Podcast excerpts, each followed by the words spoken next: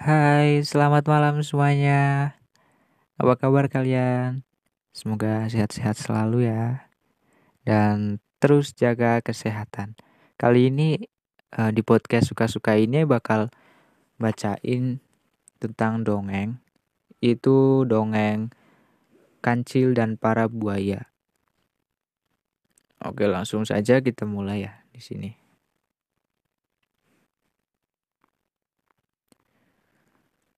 Di suatu hari di hutan belantara, hidup banyak satwa, salah satunya seekor kancil yang cerdik.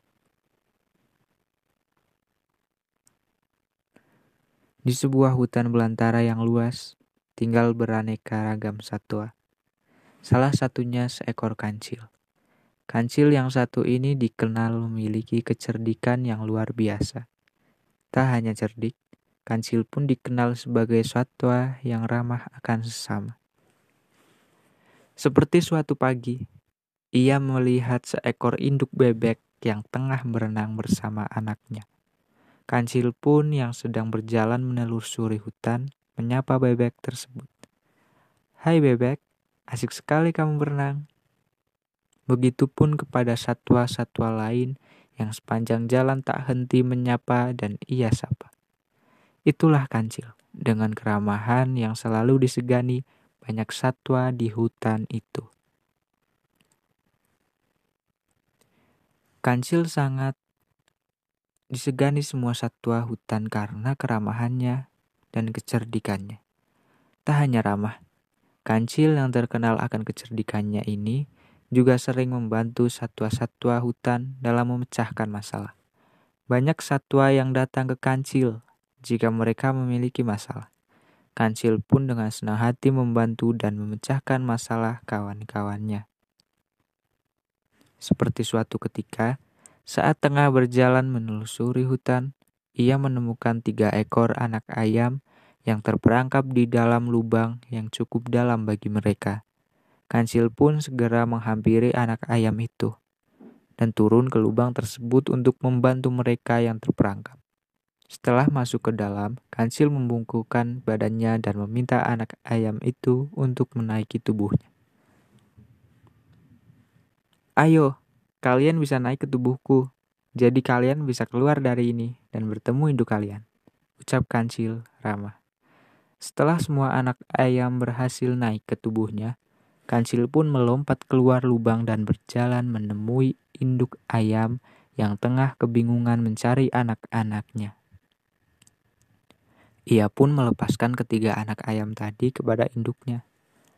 Sang induk pun sangat senang dan berterima kasih kepada kancil yang sudah membantu anak mereka. Tak hanya induk ayam, ketika ayam tadi juga bersorak kompak, mengucapkan terima kasih kepada kancil. Terima kasih Tuan Kancil, ucap ketiga anak ayam itu girang. Kancil melihat pohon buah-buahan di seberang sungai dan ingin menyeberangi sungai deras itu. Setelah berjalan-jalan, Kancil pun mulai merasa lapar. Ia menepi untuk memakan rumput yang ada di sekitarnya. Setelah makan rumput, Kancil berkata, rumput saja ternyata tidak membuatku kenyang. Kancil kemudian terus berjalan di tengah teriknya matahari hingga dirinya tiba di sebuah sungai yang ada di dalam hutan. Ia mendekati tepi sungai untuk sekedar menghilangkan dahaga setelah berjalan-jalan dan makan tadi. Setelah puas minum, kancil yang tengah memandangi sungai langsung berbinar ketika melihat sesuatu yang menarik ada di seberang sungai. Hal yang membuatnya tertarik adalah pohon buah-buahan yang dapat menghilangkan rasa laparnya tadi. Namun derasnya air tidak memungkinkan kancil untuk menyeberangi sungai tersebut. Ia pun mencari cara agar bisa menyeberangi tanpa bahaya. Sampai suatu ide ia dapatkan yaitu dengan mengelabuhi buaya-buaya yang ada di sungai itu. Seekor buaya keluar ke tepi sungai, menghampiri kancil yang terlihat senang. Hei kancil, ada apa kamu ke sungai? Apa kamu mau menjadi santapan kami? Tanya buaya itu pada kancil.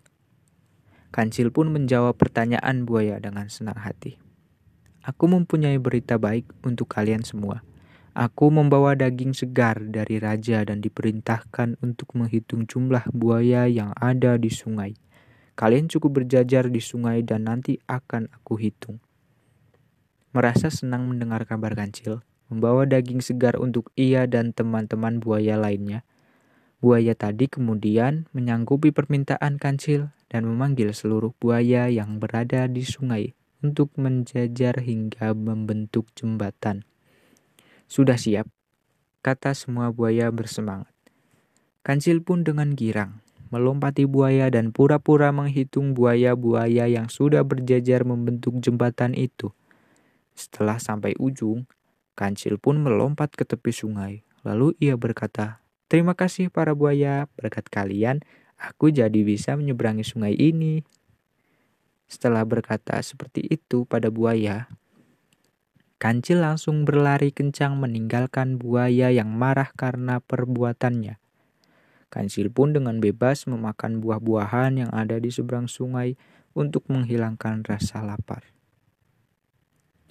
Pesan moral yang bisa didapat dari dongeng anak kancil dan para buaya adalah kancil menipu buaya agar bisa menyeberang sungai dan mendapatkan keinginannya. Itu kemudian membuat buaya menjadi sangat marah kepada kancil. Ini bisa menjadi pembelajaran bahwa semua perbuatan jelek hanya akan menambah musuh. Jadi lebih baik menggunakan kecerdasan hanya untuk hal-hal baik saja agar lebih banyak orang yang menyegani. Itulah pelajaran yang bisa diambil anak mama dari cerita yang dibacakan mengenai kancil dan para buaya. Terima kasih yang sudah mendengarkan uh, podcast yang gak jelas ini uh, dengan dongengnya yang juga gak jelas. Oh ya dongeng ini diambil dari popmama.com ya guys. Terima kasih. Wassalamualaikum warahmatullahi wabarakatuh.